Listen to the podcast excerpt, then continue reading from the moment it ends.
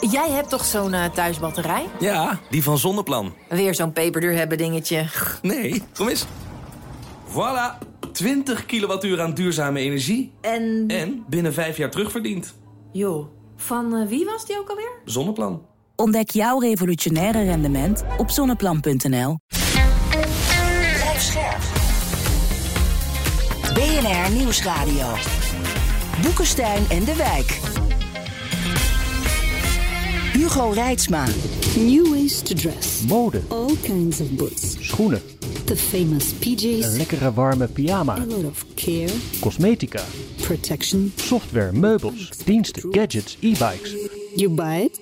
Shoppen doe je in Oekraïne. Ukraine has a lot to offer. Spend with Ukraine. To stand with Ukraine. Ga naar spendwithukraine.com en spendeer bij de aangesloten Oekraïense bedrijven. Want zoals een van de oprichters het zegt, legers winnen veldslagen, maar economieën winnen oorlogen.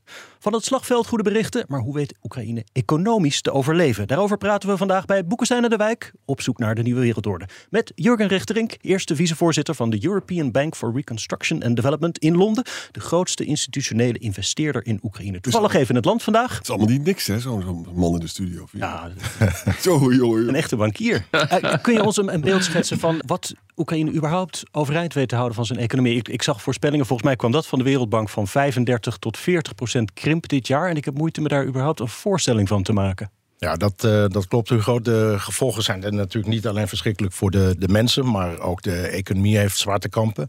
En dan praat je niet alleen over de beelden die we zien over infrastructuur. Je ziet kapotte wegen, kapotte bruggen, uh, scholen, uh, huizen.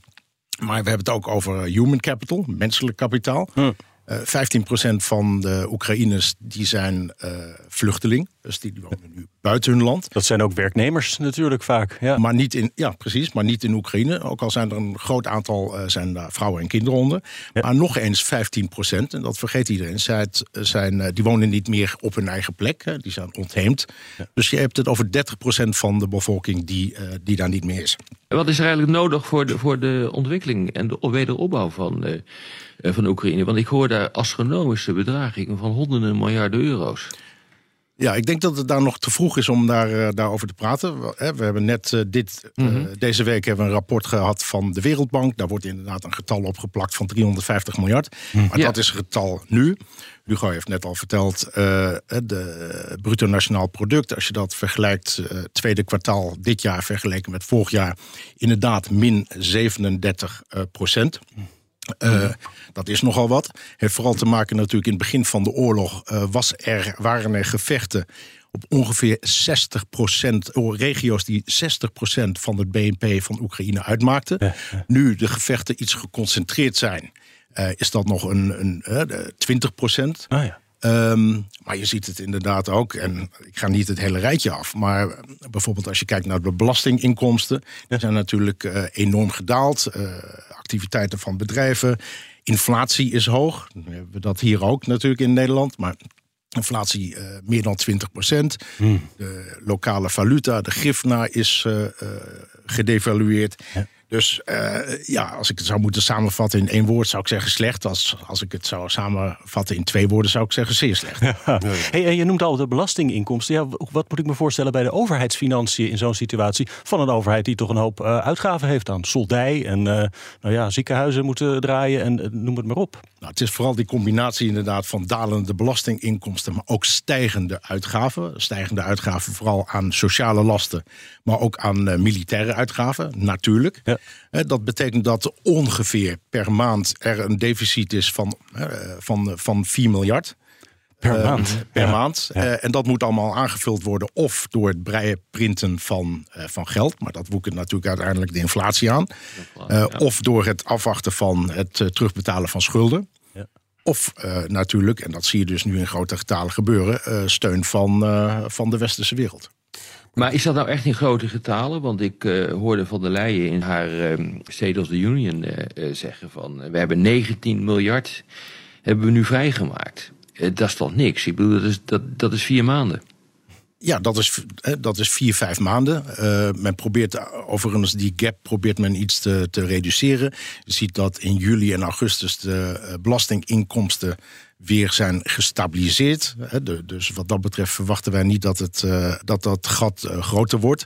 Maar de EU is maar, is, is maar één partij. Kijk eens naar Amerika. Kijk eens wat Amerika meer, voor, ons, Ja. voor ons heeft gedaan, voor Ehm, wij, eh, wij waren altijd de grootste institutionele investeerder in Oekraïne. Dus voor de oorlog hebben we elk jaar hebben wij ongeveer 1 miljard geïnvesteerd in Oekraïne. En investeren voor ons is trouwens niet investeren in, in, in alleen maar in capex, in lange termijn projecten. Dat kan dus ook handelsfinanciering zijn. Hè, dus die hele paletten.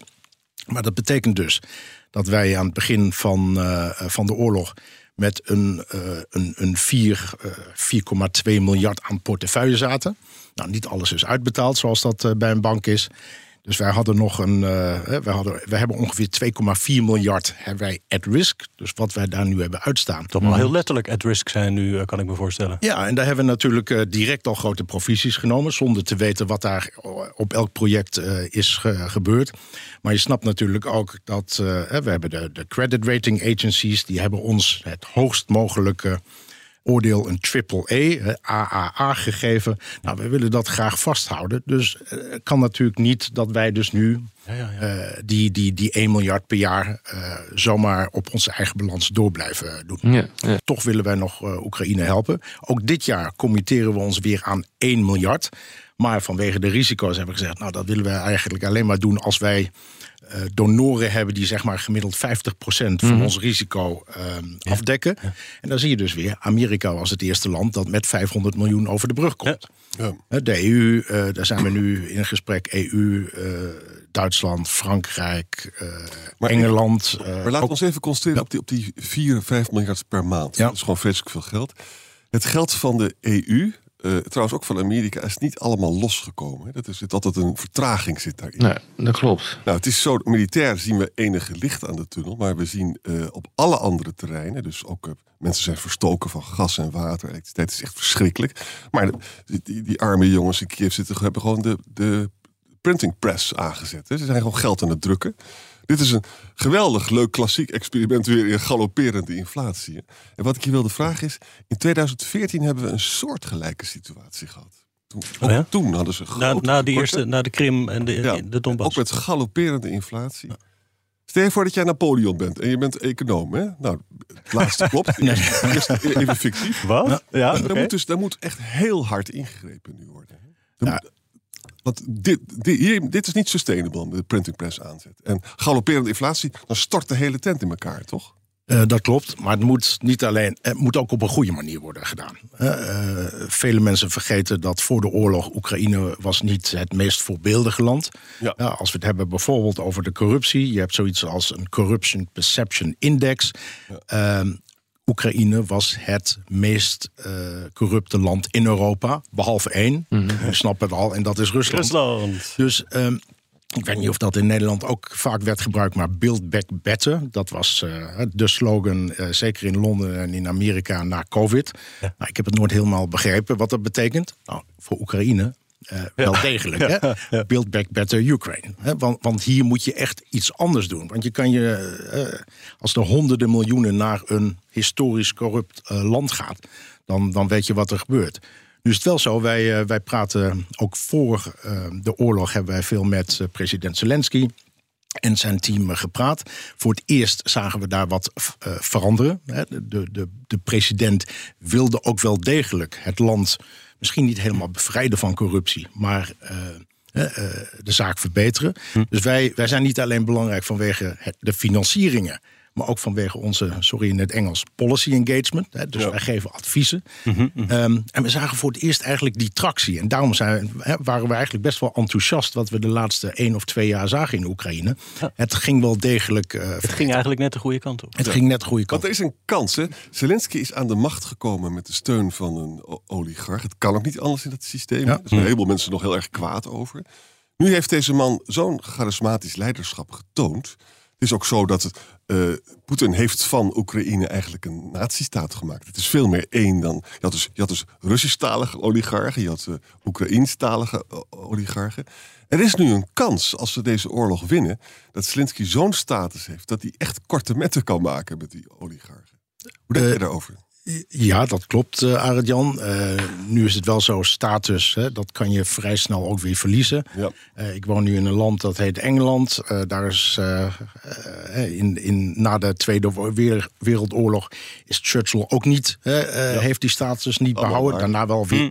Hm. De, de, dus ja, op dit moment heb je helemaal gelijk. hangt er vanaf wat er daarna gebeurt. Ja, nee, maar kijk, hè, ik bedoel, ik kan een klein beetje rekenen, maar niet heel goed. maar 12 keer uh, 4 miljard is volgens mij bijna 50 miljard. Zo, uh, wat je dus gewoon in de min staat. Als ik dus al die getallen uh, langs zie komen van wat landen doen, dat, dan is dat ge, in de marge. Uh, dan vervolgens zeg je, we hebben een land dat corrupt is. Ben een beetje positief, maar komt er dan direct bij van, we moeten nog zien hoe dat gaat lopen. Hoe moet je dit in godsnaam oplossen? En, hoe, en wie gaat dit betalen? Nou, wie, wie, wie gaat het betalen? Uh, trouwens, laten we nog even vasthouden. Uh, als je kijkt naar de debt to GDP van Oekraïne. Het was relatief laag. Dus ze hebben wel degelijk nog de mogelijkheid om ook zelf een stuk uh, te lenen. Hm. Trouwens, een stuk van wat we nu zien aan hulp. ik denk dat dat voor mij een kritiekpunt is. Vooral aan de EU en aan de Europese landen. Hm. Veel van de steun zijn leningen. He, terwijl ja. als je kijkt naar Amerika, dat zijn giften. Uh, een lening ja. per definitie betekent dat je moet terugbetalen. Niet bijzonder handig, uh, want wij ja. denken dit, dit gebeurt wat langer. Nu dan naar de 350 uh, miljard. Wie moet dat betalen? Nee, ik heb het nu alleen nog maar over, over wat je elke maand tekort komt. Die 350 miljard, die komt daarna. Nou, Hoe, wie, wie, gaat, wie gaat die gaten dichten? Hoe gaan we dat doen? Want, uh, dus ik zie continu zie ik bedragen voorbij komen. Je hebt ook zo'n geweldige tracker waarin al die steun uh, uh, wordt opgeteld. En dan moet ik constateren dat eigenlijk in de zomer de steun uit Europa uh, bijna opgedroogd is. wat is hier nou aan de hand? Wat is hier ten diepste aan de hand en hoe gaan we dit oplossen? Binnen de EU was een groot debat. Moeten het grants zijn of moeten het leningen zijn? Nou, dat heeft de zaak vertraagd. Hè? En jij hebt net al gezegd van dat was verkeerd. Je moet grants geven. Jawel, maar nu even naar de toekomst kijken, Arend Jan. Van hoe gaan we dit nou oplossen? Nou, ik, ik denk als je naar dit jaar kijkt, is het grotendeels het gat is afgedekt. En wat jullie in, de, in, de, in het nieuws zien, zien je bijvoorbeeld niet wat onze bank doet. Dus wij, als je nou weet dat wij weer de laatste weken hebben ge, 150 miljoen hebben getekend voor de spoorwegen de Oekraïnse spoorwegen. Als je dan kijkt dat wij 300 miljoen, uh, wel met donorsupport, geven aan Naftogaz, het lokale uh, gasbedrijf, om -hmm. voorwaarden voor de winter. Ja. Het elektriciteitsnet, 150 miljoen. Dat is natuurlijk ook allemaal steun. Dat ja. zou je eigenlijk dus in die 4 Zeker. miljard moet je, zou je dat mee moeten nemen.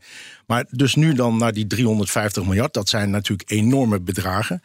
Kijk, op dit moment is het zo dat in Nederland en in Europa die steun voor Oekraïne is, uh, is 100% of wat dan ook, maar uh, heel erg hoog. Uh, op een gegeven moment, de fiscale ruimte is hier minder. We, we, gaan hier ook door een moeilijke periode in, in Nederland. stel ervoor dat er een, een, een miracle, een, een, wonder gebeurt en er komt, er komt dan toch vrede. Die 350 miljard, die moet dus niet per se komen van overheden. Kijk, als er echt vrede is. Um, ik heb al uh, vele bedrijven uh, die bij ons aankloppen. Exact. Um, hè, want mm. het grootste gedeelte moet natuurlijk gewoon komen van. Uh, van, de, van de industrie. Ja, het Foreign Direct Investment. En ook Foreign Direct Investment, FDI. En ook kunnen ze zijn redelijk goed opgeleid.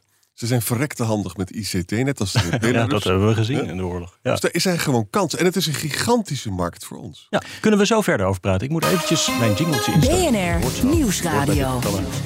Boekenstein en de Wijk.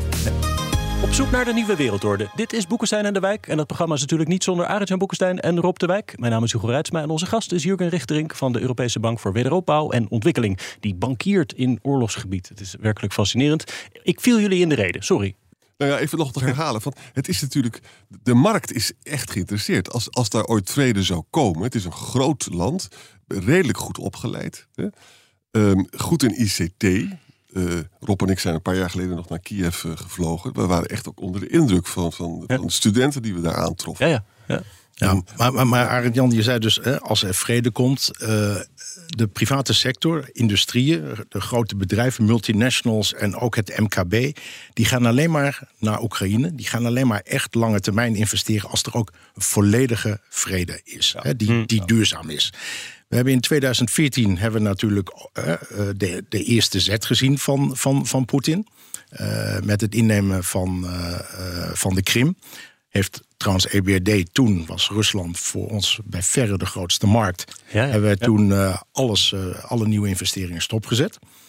Um, maar, maar er is toen geen volledige vrede gekomen. Hè. Dat uh, zag je al in het Donbass, et cetera.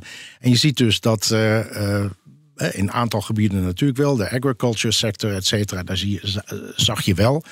Maar de grote industrie, die bleef natuurlijk achter. Trouwens, jullie hebben een interessante positie, hè? want jullie bank is opgericht volgens mij 91, hè? dus na de val van de Sovjet-Unie, om die voormalige Oostbloklanden te helpen naar een markteconomie. En dan dus vooral ook uh, bezig met Rusland. Hebben jullie ook een, beeld van hoe het daar nu is met de economie onder al die sancties?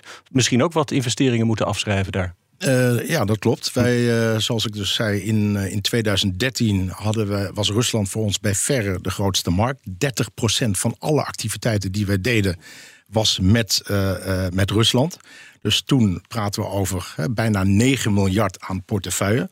Nou, zoals ik al zei, 2014 hebben wij besloten om, zolang die situatie duurt, wij doen niets meer in Rusland.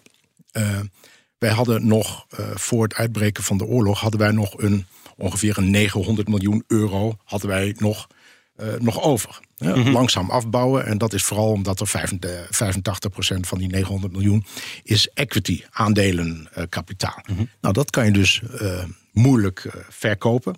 Ja. En als je het al kan verkopen, dan, ja, dan wil je dat niet verkopen aan, aan crooks. Hè?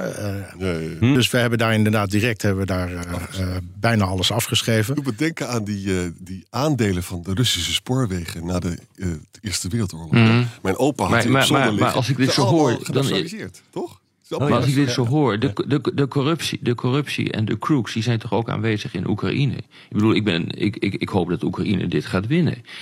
Uh, maar als ik uh, luister naar uh, wat er nodig is om het land op te bouwen, de steun die er nu nodig is, de geld wat je er dus in moet stoppen ja, dan is het wel handig dat je een land hebt dat functioneert en waar de corruptie toch enigszins binnen de beperken blijft. Is dat niet een enorme beperkende factor, ook voor het bedrijfsleven, om er later in te gaan zitten?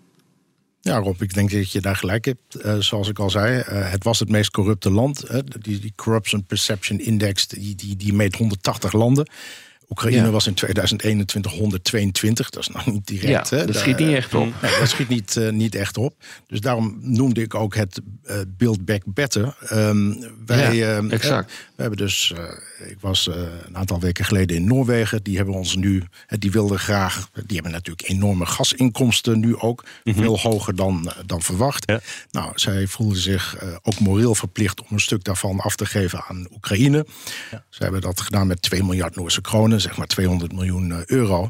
En die hebben dus precies hetzelfde probleem, uh, Rob. Uh, die willen zorgen dat het goed uh, terechtkomt. Dus wat hebben ze dan gevraagd? EBRD, jullie, dat is jullie vak om te zorgen dat het goed terechtkomt. Um, hier heb je die, die 200 miljoen. En wij zijn dus een soort conduit. maar dat is 200 miljoen, dat, dat weten we nog. Maar 350 miljard trouwens, die, dat komt ook niet in één keer.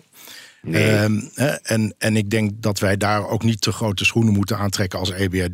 De Wereldbank en de IMF die hebben natuurlijk ook een hele grote rol. Vooral aan de maar die hebben hetzelfde probleem natuurlijk. Ja, vooral aan de publieke sector. Uh, dus wij zijn ja. op dit moment wel al achter de schermen aan het kijken.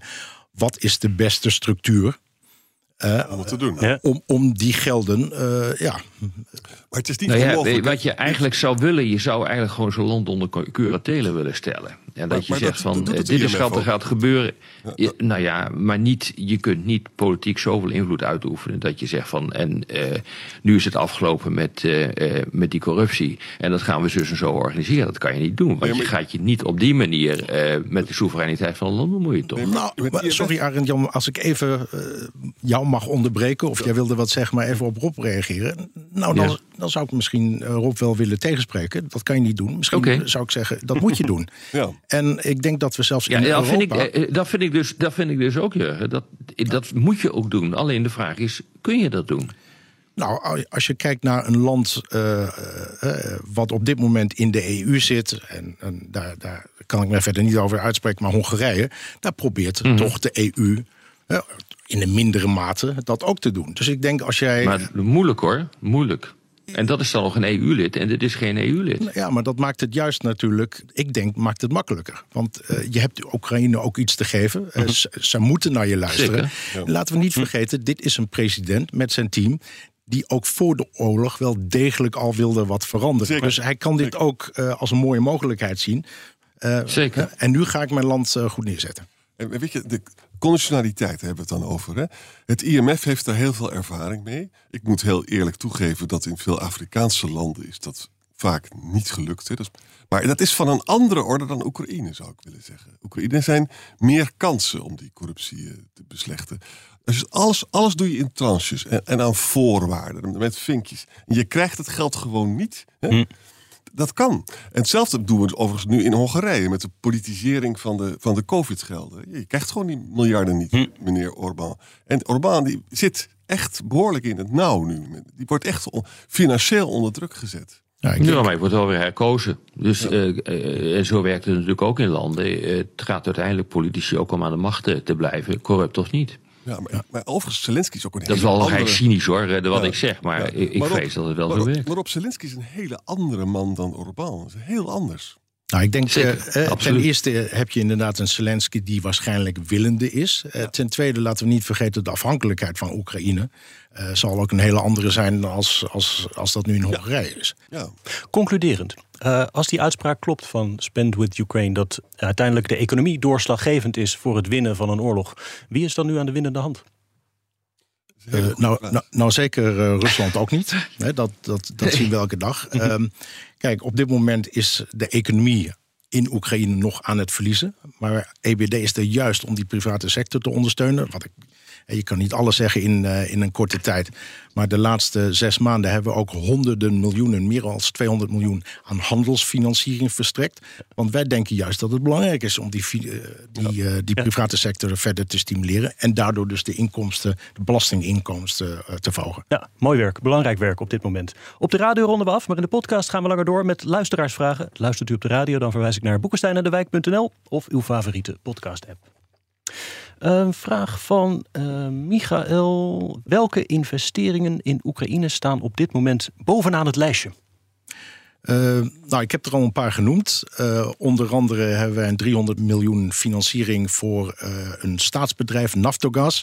Eh, dat is, wij halen dat onder het hoofdstuk Energy Security. Huh, Eh, ook de winter, ook in Oekraïne, eh, Ja. komt zeker. Dus eh, ook daar moet men zorgen de gasvoorraden aan te leggen. Eh, 150 miljoen voor de spoorwegen daar. 150 miljoen voor eh, het elektriciteitsnetwerk. Dus dat is allemaal Op plekken die staatsgeheer. gebombardeerd worden door de Russen, eh, hoor ik hier tussen zitten. Ja. Ja, goed, dan moeten Nou we ja, het nog een maar keer. eh, Ja. wat Ja. interessant is, Hugo, wat interessant is, Hugo, is dat eh Naftogaz die heeft hele kleine beetjes overal opgeslagen in het hele land. Dus die heeft zeg maar niet eh 50% van de voorraad op één plek eh, gelegd. Maar volgens mij is het eh, voor een ter waarde van 3 of 5 miljoen eh, eh, dollar, daar wil ik even af zijn, hebben ze de opslag eh, gedaan. Dus iedere keer kan je wel wat uitschakelen, maar je schakelt maar een klein beetje uit. En dat is natuurlijk wel heel erg slim wat ze gedaan hebben. En, en verder, ik ga ze niet allemaal noemen, maar bijvoorbeeld ook wij ondersteunen de, de farmaceutische eh, sector. Eh, natuurlijk agriculture, hè, ontzettend Ja, belangrijk. ja. Ze ondersteunen ongelooflijk goed in zijn. waar ze ongelooflijk goed in zijn. Hè, de, de graansgroei van Europa. Ehm, nou ja, eh, en nog een aantal andere eh, private sector projecten. Ja, doen jullie ook de, de graantransport eh, over de Zwarte Zee? Zijn jullie daar ook bij betrokken? eh, om dat Nee, daar zijn we niet mee, bij betrokken. Maar waar we wel zijn eh, betrokken. Kijk, op dit moment is er een oplossing gevonden. Ehm, hoe lang is die oplossing er nog? We, we zagen eh, Poetin en Erdogan beide hebben vraagtekens bij die deal. Maar Ja, ik weet niet wat dat betekent. Dus we moeten natuurlijk ook zorgen dat er misschien andere exportmogelijkheden zijn. Bijvoorbeeld, dus de, de, de spoorwegen. Ja. Maar laten we wel zijn, als je kijkt naar de mogelijke volumes Hmm. die er in. eh, in eh, Wat er in een schip past, dat is. eh, ja. Ja. dat, dus zijn wel heel je zal het daarmee niet, niet mee oplossen. Eh, Bram vraagt: hoe verweven waren voor de oorlog de Oekraïnse en de Russische economie? Ehm, ja, hele goede vraag en hele relevante vraag. Ehm, niet zo verweven als bijvoorbeeld als je kijkt naar de economie in Centraal-Azië. Dat zijn voor ons ook hele belangrijke economieën. Als je, ik heb zelf in een land als eh, eh, voor ABN AMRO toen nog voor, in Kazachstan gewoond. Eh, daar heb je een, ja, de, Rusland is bij verre de belangrijkste handelspartner daar met meer dan 30 procent. Moet, moet wel persoonlijk zeggen, ik ben erg onder de indruk van president Tokayev van, van Kazachstan. voor hem is het bijzonder moeilijk om toch niet mee te gaan met, eh, met, met Poetin. Maar hij is aan het schuiven. Hij is aan het schuiven. Ja, maar hij houdt zich tot nu op dit moment aan alle sancties. Hè. Ehm, dus wat ja. dat betreft, eh, hij opent ook de economie weer. Dus eh, Hij heeft nou, de inval veroordeeld. ja, precies. En dat heeft hij dus al in Sint-Petersburg gedaan en zo. Dus, Maar is Rusland dus voor Oekraïne niet de belangrijkste handelspartner? nou, het was natuurlijk wel. eens. Kijk, waar, waar kreeg Oekraïne, maar niet alleen Oekraïne, zijn gas vandaan? Er speelt natuurlijk nog wat anders. Hè. We hebben ook zoiets als de Eurasiatische Economische Unie. Hè, die is eh, eh, opgericht een aantal jaren geleden. En eh, die kan eigenlijk alleen maar volgens mij goed functioneren als Oekraïne daar ook lid van is. En dus je zou ook kunnen zeggen van de incorporatie van, van Oekraïne in de Russische invloedssfeer, op wat voor manier dan ook.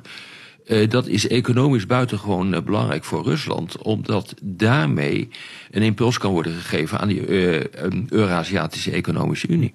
Ja, nou, Ja. Dat, dat, klopt. Maar er zijn zoveel andere. Kijk, als je kijkt naar de spoorwegen bijvoorbeeld. Hè, we denken, oh, eh, elke trein die rijdt op hetzelfde spoorbreedte. nou, in Oekraïne hebben ze dus de, de, de breedte van Rusland. Dus het hele Oostblok. Ja. Dus het is ook heel erg moeilijk. Hè, dus logisch dat die trade daar, de handel in het verleden eh, veel sterker was dan bijvoorbeeld met, eh, met een aantal andere buurlanden. Eh, Jan vraagt: eh, waar is Oekraïne goed in economisch? Wat kan hun belangrijkste toegevoegde waarde zijn als lid van de Europese interne markt? Ze hadden een defensieindustrie. Hè? Ja? Ze maken goede raketten. Ja, En de, en de Antonovs werden toch in Oekraïne gemaakt? Klopt dat? Dat ik. Nou, nou kijk, daar, daar blijf ik dus een beetje van weg. Hè. Wij financieren geen militaire goederen. Maar ehm, laten we eerlijk zijn. En, en iedereen weet dat, of bijna iedereen weet dat. Het is wel degelijk een hele belangrijke graanproducent. Ja. De graanschuur van, eh, eh, van Europa. Dus dat is bijvoorbeeld iets wat, eh, ja, wat belangrijk is. Maar je ziet nu ook de mensen die uit Oekraïne, vooral in Polen zitten. Maar ook, ook hier natuurlijk. Ontzettend hardwerkende mensen, goed opgeleide mensen. Ehm, dus ik, eh, en je krijgt natuurlijk een mogelijkheid, een markt van, eh, van 40 miljoen Ja. erbij. Eh, maar het kan ook dat, dat kan natuurlijk nog lang duren. Eh, de politiek wat dat betreft eh, Ja, maakt ja. rare sprongen. Dus. Ja, we hadden vroeger veel Poolse klusjesmannen hier in Nederland. Hè. Die zijn volgens mij voor een groot deel weer naar huis gegaan. Polen is rijk Een paar geworden. Oekraïnse klusjesmannen daarvoor terug zou misschien ook eh, gunstig zijn voor ons. Want er is een groot tekort aan. Als ze maar belasting betalen, Hugo. Ja, ja dat is wel zo fijn. Eh, Dirk vraagt. Oh, Dirk vraagt: kan Oekraïne na de wederopbouw interessant zijn voor toerisme? Want hij wil er graag heen. Odessa is schitterend. Het is een heel mooi land. Hebben ze een toerisme-industrie? Ja, maar als je dus kijkt, percentueel is dat vrij gering. Eh, ik, ik, het zou niet eh, voor de oorlog zou het niet op mijn top 5 lijstje nee. hebben gestaan. Eh, en natuurlijk zijn er mooie, mooie plekken, als Arend Jan dat zei. Prachtige stad. Kiev Ja. prachtige stad. En Kiev is inderdaad een prachtige stad. Ja. Hè, dus voor een, eh, een weekend kan je, daar, eh, kan je daar heel mooi vertoeven. Eh, verder, kijk, als, je, als het een graanschuur is, dan zijn er dus ook honderden kilometers aan graan. Niks. Ja, precies. Daar- niks Dat is voor. gewoon niet, dat is niet mooi hoor. kan ik je wel. Maar de rijke Russen gingen niet voor niks naar Odessa natuurlijk toe. Hè? En naar de Ja. Zwarte Zee. Dat, of de De Krim, Krim is ook mooi. Krim is ook, ik heb, ik heb een Maar die moet je wel eens terugverhogen. En dan moet je maar even afwachten wat er nog van overblijft. Eh, eh, eh. Ralf Jussen vraagt: Klopt het dat staatsburgers van Oekraïne sinds het uitbreken van de oorlog grote hoeveelheden kapitaal hebben overgeheveld naar het buitenland? Ehm, Dat is het verhaal dat, wat altijd wordt gebruikt. Totale onzin is het allemaal. Maar dat is, de mensen als Thierry Baudet zitten dat het eindeloos Nou, dit is een verdachtmaking. Ja, Ja. goed, ik denk, eh, ik zou mijn geld er misschien ook over maken naar het buitenland. Ik als- ook, hoor. Als de oorlog uitbreekt. Ja, ik zou het onmiddellijk eh, doen. ja. Ja, nu, nu hebben ze daar wel een stop op gezet in Oekraïne. Ook bijvoorbeeld het, eh, eh, het uit de automaat halen van, eh, van hard currency, van dollar en euro. Dus allemaal eh, gerestricteerd. eh, res- restricted, dat was geen goed Nederlands woord natuurlijk. Eh, dus wat dat betreft denk ik inderdaad dat het bijzonder meevalt. Eh, Johan eh, vraagt: Is de privatisering in Rusland en andere Oostbloklanden niet veel, te ver, niet veel te ver gegaan? Daar hebben we al die oligarchen aan te danken. Ja, duidelijk ja. Nou. Eh, ja, ik kan daar, daar kan ik verder niet veel, veel verder over zeggen. Ja, ik, Maar goed, omdat dat natuurlijk Ook in doelstelling Rusland- van de banken was ook om die landen te helpen naar een markteconomie, kan je zeggen dat dat, dat is ook op sommige punten niet helemaal goed gegaan misschien. Dat, dat is absoluut op sommige punten niet goed gegaan. Aan de andere kant bijvoorbeeld, eh, die oligarchen die waren er voordat ehm, eh, EBRD eh, werd opgericht en Rusland eh, te werk ging. Hm. Maar dat is natuurlijk een privatisering eh, geweest die. Een lik mijn vestje. Voor één, voor één dollar kon je een fabriek kopen. Kon je, ja, kon je een, eh, een kolenmijn En kopen. dat waren ja, vaak ook ja. de mensen die binnen de partij al een goede positie Ja. hadden. En dan heb je dus zo'n ongelooflijke monopoliepositie krijg je dat je dus helemaal Ja, de oude communisten waren buitengewoon flexibel hoor, moet ik zeggen. Nou, en, en, en niet alleen eh, hè, voor 1 euro of dollar of roebel, eh, maar soms ook voor redelijke bedragen. Maar die krijgen ze dan allemaal geleend van, hè, van hun pocketbanks, et cetera. Dus eh, Eh, Dick, Dick Vis, waar moet Rusland op draaien na de energietransitie? Hebben ze een plan zoals de Emiraten om ergens anders op in te zetten? Nou, zo, zo- zoals ik zei, wij, eh, wij werken niet meer in Rusland. Ik denk ook niet in de, de, de komende jaren dat Rusland nog eens een keer zal, eh, een, een belangrijk eh, land zal worden voor, voor ons. Ik denk dat zij echt, behalve als er natuurlijk een, een ander regime komt, ehm, een, een, een opvolger van meneer Poetin. Maar ook dan, wat voor opvolger zal dat, zal dat worden? Wordt dat dan automatisch beter? Dat, dat zie je in een aantal dictatoren. zie je dat ook niet gebeuren. Eh, nee, ik denk op lange termijn heeft, eh, heeft Rusland wel degelijk een groot probleem. Eh, En, en, en natuurlijk hebben ze als nieuwe exportmarkten, hebben ze dan, laten we niet vergeten, hun gas, hun olie. China is niet een hele, kleine economie. Ehm, eh, en, en India, et cetera. Dus het zal ze nog een keer een, een, een tijdje goed gaan. Maar ik denk niet dat het alleen dat is, maar het is ook het missen van de nieuwste technologie. En dat zie je trouwens nu al zeker. gebeuren. Dus De Saoedi's doen dat beter. Hè? Die zitten massaal op waterstof. eh. Ja, precies. Ja, en en dat, dat- kan, eh, Rusland kan het waterstof helemaal niet. Wij trouwens ook nog niet hoor. We hebben een grote mond over. Moet allemaal nog doen. hè? Ja, het is niet, niet alleen waterstof trouwens. Eh, hier het toverwoord is groene waterstoffen. Eh, en nog daar- moeilijker. Precies. Ja. Eh, tot slot, Ton Nuyen vraagt: zou voor de wederopbouw via bijvoorbeeld de VN ook Rusland gehouden kunnen worden om hieraan evenredig wat door de Russen kapot is gemaakt bij te dragen? Een keer stemmen zonder veto, beveelt hij daarbij aan. Eh, nou, ik ben geen politicus, dus eh, daar, misschien als privépersoon ga ik daar mij nu even over uitspreken. Kijk, het is natuurlijk eh, duidelijk dat een, een, een UN, een VN-veiligheidsraad niet werkt als daar een aantal landen zitten die een veto. hebben Ja. die op dit moment dit doen. Dus dit, dit is duidelijk achterhaald. Maar dat vonden we trouwens al eh, een, Heel lang geleden. Heel lang geleden. Ja. Maar misschien is dit wel de trigger om dat helemaal die, eh, die VN-veiligheidsraad eh, Hm?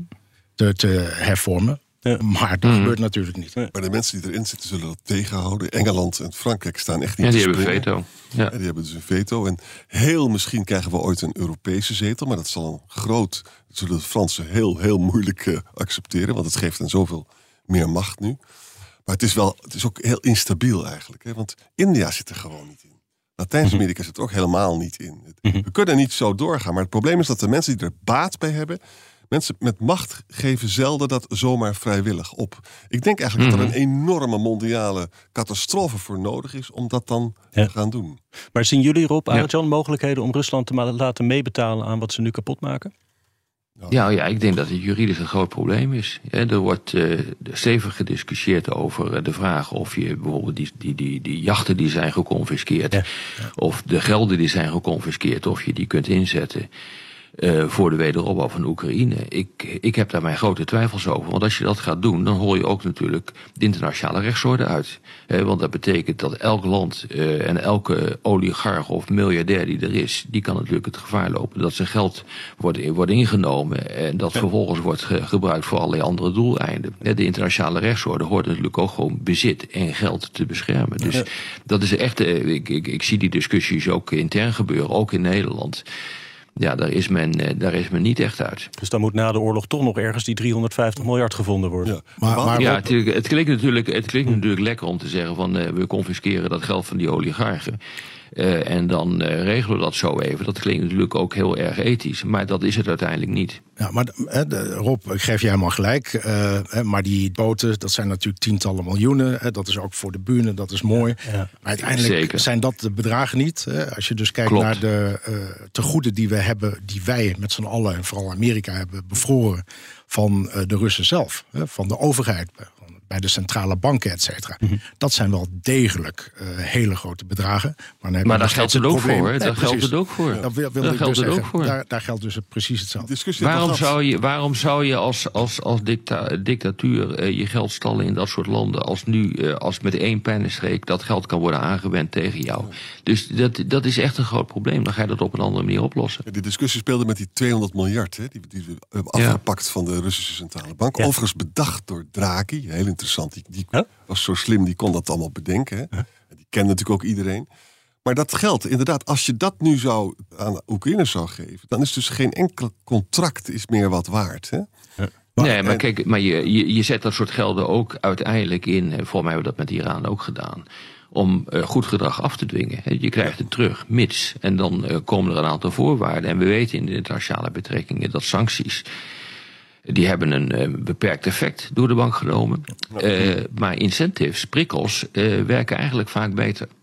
En dat is contra-intuïtief, want je wil gewoon echt straffen en je wil eh, dat soort landen aan de schandpaal nagelen. Maar soms moet je er even overheen springen en moet je zeggen van oké, eh, we gaan ook goed gedrag belonen. En daar heb je wel geld voor nodig, en dat is hun eigen geld. Het is natuurlijk wel. Rob, een westers denken wat we hier hebben. Ehm, het laat Ja. je zien hoe, eh, hoe belangrijk bijvoorbeeld eh, de macht is van de dollar. Eh, of van Zeker. de euro. Dus een van de andere mogelijkheden die, eh, die toch een aantal landen nu aan het bekijken zijn. China, Rusland. China bekijkt dit natuurlijk ook heel erg goed. Is eh, moeten we niet meer en meer onafhankelijk worden van het westerse financiële eh, systeem? Maar daar zijn ze toch al dat volop bezig om dat te doen. Ja, Ja, precies. dat zijn ze toch al volop aan het doen. Door dat sanctiebeleid is dat wat dat betreft contraproductief. Ja, de en de dat Russen wordt dus doen dat, weer de Chinezen doen dat. Ja, ook de Ja, SWIFT absoluut. eh. Eigen SWIFT maken Ja. ze. Ja, De absoluut. dollar als Ja. reservevaluta heeft op lange termijn echt zijn tijd gehad. Hè? En de Oekraïne-oorlog heeft dat versneld. De Chinezen en de Russen en ook de Midden-Oosten, ook Saudi-Arabië. Als Ja. die gaan zeggen, we gaan het niet meer in dollars doen. Oh, Ja, maar dan heeft China op dit moment ook nog een probleem. Ja, Dat, dan zitten ze met een hoop dollars Ja. eh, waar ze niks mee kunnen. Goed, dit was weer Boekenstein en de Wijk. Namens Arend-Jan Boekenstein en Rob de Wijk zeg ik dank voor het luisteren. Speciale dank aan Jurgen Richterink. En tot de volgende keer. tot volgende keer. Tot ziens. Jij hebt toch zo'n eh, thuisbatterij? Ja, die van Zonneplan. Weer zo'n peperduur hebben dingetje. Nee, kom eens. Voilà, 20 kilowattuur aan duurzame energie. En, En binnen vijf jaar terugverdiend. joh, van eh, wie was die ook alweer? Zonneplan. Ontdek jouw revolutionaire rendement op zonneplan.nl.